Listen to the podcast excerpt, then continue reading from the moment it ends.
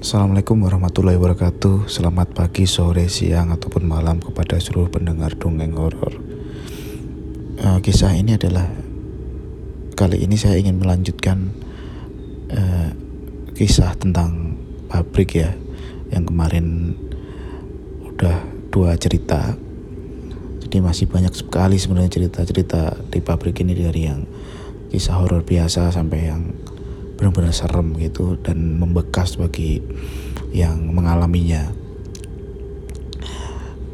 Kisah selanjutnya yang cukup horor yang menurut saya adalah yang terjadi kepada supervisor saya sebut saja namanya Farid. Jadi waktu itu sip 2 ya. Jadi sip 2 itu seperti yang saya bilang mulai dari jam 3 sampai jam 11 malam. Jadi di pabrik ini supervisor itu hanya kena dua sip sip 1 dan sip 2 tidak ada supervisor di sip 3 ya. Jadi waktu itu uh, kebetulan supervisor di sip 2 itu Pak Farid ya namanya itu. Tidak seperti kami yang uh, operator dan leader yang bekerja di lapangan. Supervisor itu lebih banyak menghabiskan waktunya di office jadi office di perusahaan tempat saya bekerja itu di lantai atas ya. Dan kalau setelah maghrib itu biasanya memang agak sepi. Hanya beberapa staf yang mungkin lembur dan supervisor ya yang sip 2 seperti itu ya. Nggak tahu kerjanya apa mungkin buat laporan atau apa. Yang saya tahu cuma ngadep laptop atau komputer gitu jadi waktu itu shift 2 ya. Uh, pekerjaan seperti biasa. Dan kalau shift 2 itu kan istirahatnya jam 6 sampai jam 7 ya.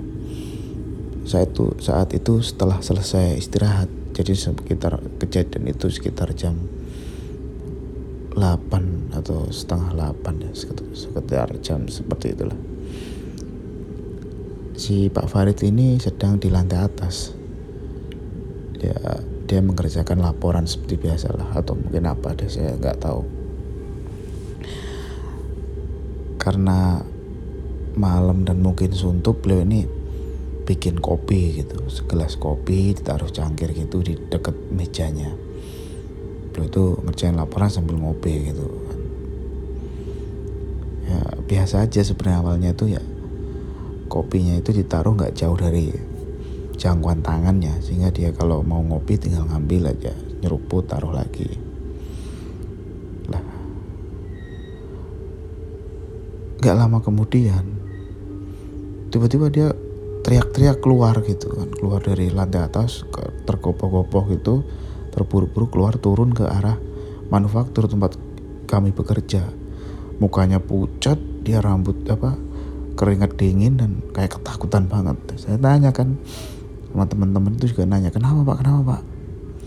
Dia bilang Astagfirullahaladzim baru jam berapa ini? Baru jam 8 aja udah diganggu katanya. Lah diganggu kenapa pak? kita tanya gitu kan. Terus dia ceritakan jadi yang seperti saya bilang tadi kan beliau itu bikin kopi gitu kopinya ditaruh meja yang tak jauh dari jangkauan tangannya sebenarnya lah awalnya sekali dua kali dia ngambil kopi nyeruput. Taruh lagi nyeruput taruh lagi lah.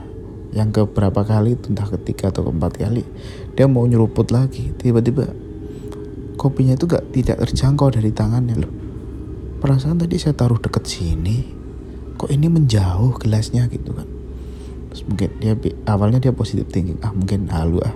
Diambil lagi sama dia dideketin dia ngetik lagi nah Gak lama kemudian dia mau ngambil lagi kopinya. Eh menjauh lagi. Lah kok gini sih? Akhirnya diambil lagi taruh dan dia yang ketiga ini dia mencoba mengamati. Dia amati terus gelasnya. Dan gak lama kemudian katanya gelasnya itu jalan. Seret, seret, seret. Wah Pak Farid kan kaget kan. Wah dia makin kaget. Loh gelasnya jalan sendiri katanya gitu kan. Terus gak lama kemudian dia ngam di mau diambil lagi gitu jalan lagi kayak kayak gelasnya itu nggak mau dipegang. Oh dia terus nggak lama kemudian katanya suara cekikikan itu kencang banget. Hihihi kayak ketawain gitu loh. Akhirnya Pak Farid ya kabur dia. Takut gemeteran dan nggak mau lagi kan ngerjain tugas itu. Minta ditemenin awalnya tapi kita juga takut. Nggak berani. Akhirnya dia ngerjain di bawah kalau nggak salah waktu itu. Itu kisah dari Pak Farid ya. Dan sebenarnya kisah-kisah seperti ini banyak ya yang poltergeist kayak gini. Dan selanjutnya di pabrik ini yang mungkin paling epic ya terjadi pada seorang karyawan wanita. Sebut saja namanya Wanti. Dan ini menurut saya epic banget ya. Waktu itu uh, sip 2 ya. Jadi jam 3 pulang jam 11 seperti biasa di pabrik ini kan istirahatnya jam 6 jadi antara jam 6 sampai jam 7 itu kita bisa makan, sholat dan sebagainya sholat maghrib ya. Dan untuk sholat isya biasanya kan karyawan itu gantian gitu ya. Satu dua orang sholat balik terganti yang lain gitu. Biasanya kalau karyawan jadi tempat sholatnya seperti yang saya bilang di cerita sebelumnya ya dulu di, di uh, ruang FSB apa ruang serikat itu. Dan yang saya bilang awalnya ruang serikat terbengkalai itu yang Pak Budi ditarik sama tuyul itu kan. Lah itu jadi tempat sholat waktu itu. Jadi ah, sebelumnya saya gambarkan ya biar ada gambaran buat teman-teman semua. Jadi tempat sholatnya itu nggak gede ya mungkin 3 meter kali 3 meter atau 3 kali 4 lah sekitar itu. Lah di arah kiblatnya itu ada kaca. Kaca tapi bukan kaca full. Jadi kalau kita sholat kita itu bisa melihat orang di depan kaca itu tapi separuh separuh badan kepala ke apa dada ke atas itu nggak kelihatan. Hanya dada ke, ke bawah. Kalau ada orang berdiri tepat di depan kaca itu hanya terlihat seperti itu. Jadi di depan kaca itu eh tepat di depan arah kiblat itu kan di luar di luar ruangan itu ada meja-meja kursi gitu biasa buat duduk-duduk anak-anak. Kadang makan juga di situ ya kan. Jadi kalau ada orang duduk di meja kursi itu maka bisa kelihatan ya kalau kita sholat tuh bisa kelihatan ada orang duduk depan tuh. Cuma itu kelihatan dari kaca tadi ya. Dan tapi cuma nggak kelihatan kepalanya biasanya. Nggak kelihatan badannya lah badan ke atas itu nggak kelihatan cuma dada ke bawah lah biasanya kelihatan gitu. Jadi kita cuma bisa melihat oh ada orang gitu. Karena emang kacanya nggak full cuma sedikit di bawah gitu nggak tahu tuh buat apa kaca itu dulu di situ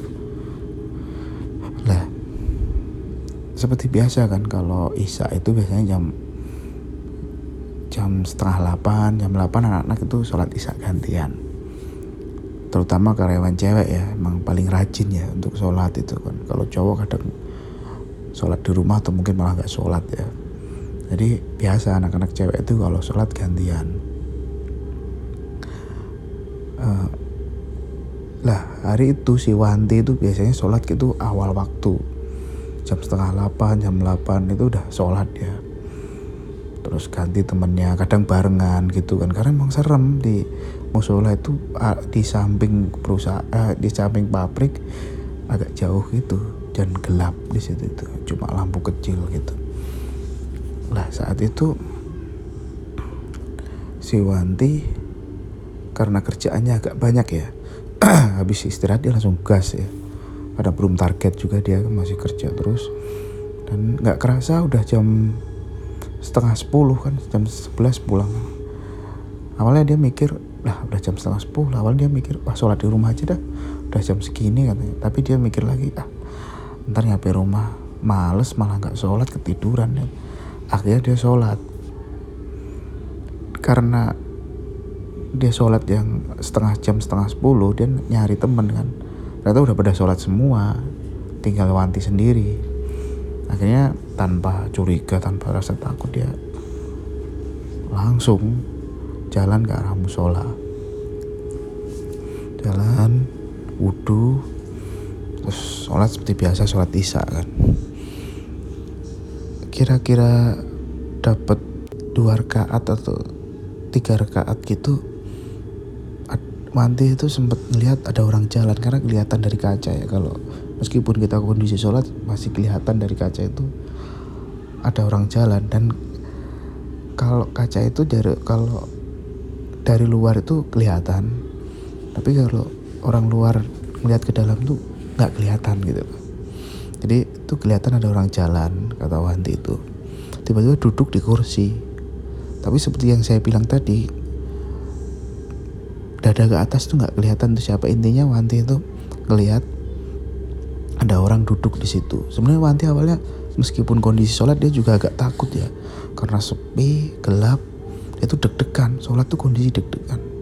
Tapi melihat ada orang datang dan duduk di di depannya itu dan kelihatan dari kaca dia agak tenang awalnya itu agak tenang. Ya tenanglah ada orang katanya. Mungkin itu satpam atau maintenance atau siapalah biasanya ngopi di situ ya kan. Tapi sendiri orangnya kayak itu dia aja duduk gitu.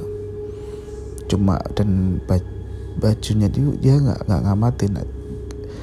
Kayaknya sih nggak pakai seragam PT atau mungkin seragamnya kelihatan gelap gitu aja. Sholat sholat selesai dia lepas mukena udah keluar kan. Lah pas keluar itu lah pas keluar itu dia kan keluar dari ruangan sholat itu jalan menuju pintu keluar masih nali sepatu dulu masang sepatu pakai sepatu dia jalan biasa aja. Lah kalau jalan keluar mau ke arah manufaktur dia harus melewati uh, depan kiblat itu. Jadi dia akan melewati tempat duduk di mana ada orang yang tadi duduk itu ya kan? Santai dia awalnya wah mau negur ah karena udah secara nggak sadar udah nemenin dia jadi nggak takut lagi. Lah pas dia jalan pelan pelan menuju arah orang itu dia lihat dari jauh lah. Kok kayak gitu katanya. Jadi orang itu tiba-tiba wanita itu kaku diem nggak bisa gerak. Karena apa? Orang yang duduk itu nanti nggak ada kepalanya Gak ada kepalanya katanya. Dengan pakaian seragam perusahaan tapi lusuh gitu katanya. Gak ada kepala. Jadi orangnya cuma buntung kepalanya. Lawanti itu coba untuk lari tapi nggak bisa. Dia kaku. Kaku benar-benar kaku.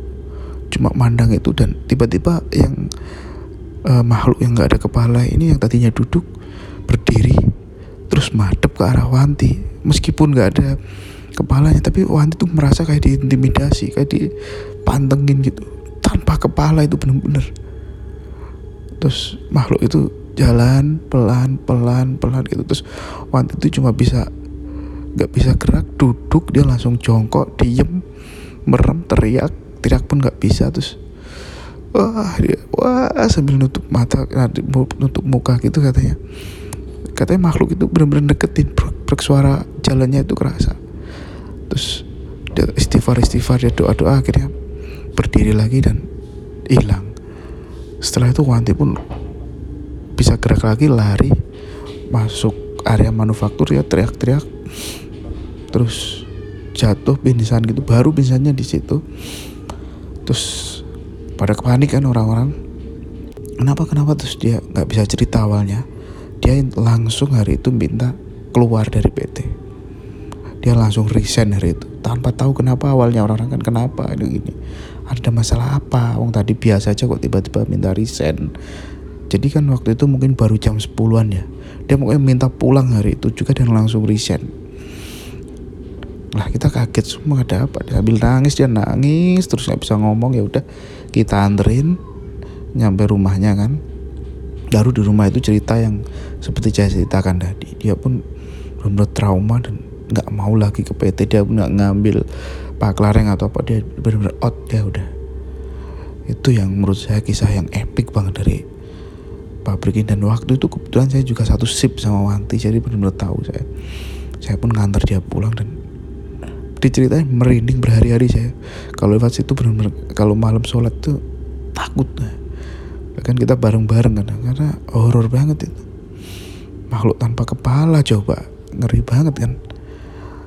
Entah itu dulunya apa atau gimana bahkan mungkin apa sempat saya dengar bahwa itu dulu mantan karyawan gitu yang kecelakaan kerja kepalanya kena pres atau apalah ini. Jadi di perusahaan tempat saya itu memang beberapa kali ada kecelakaan kerja ya termasuk yang kepalanya kena pres itu katanya itu ada yang tangannya kena pres atau macam-macam lah Wah, salah satu penyebab kenapa setiap malam Jumat tuh ada sesaji dan bakar dupa itu adalah salah satu syarat agar tidak memakan korban lagi gitu katanya. Kalau sehari aja lupa, sekali aja lupa nggak gituin langsung memakan korban. Kepercayaan mereka sih seperti itu. Tapi walau alam ya, bahwa sebenarnya semua itu udah takdir dari Allah ya. Kita sebagai manusia seharusnya nggak seperti itu, tapi emang itu udah kepercayaan mereka ya apa boleh buat. Jadi untuk cerita pabrik yang pertama ini eh, yang part kedua sampai di sini dan sebenarnya masih ada cerita lagi di pabrik saya yang lain ya beda tempatnya ya. Mungkin akan saya ceritakan di lain waktu. Uh, semoga menghibur selamat malam selamat beristirahat. Wassalamualaikum warahmatullahi wabarakatuh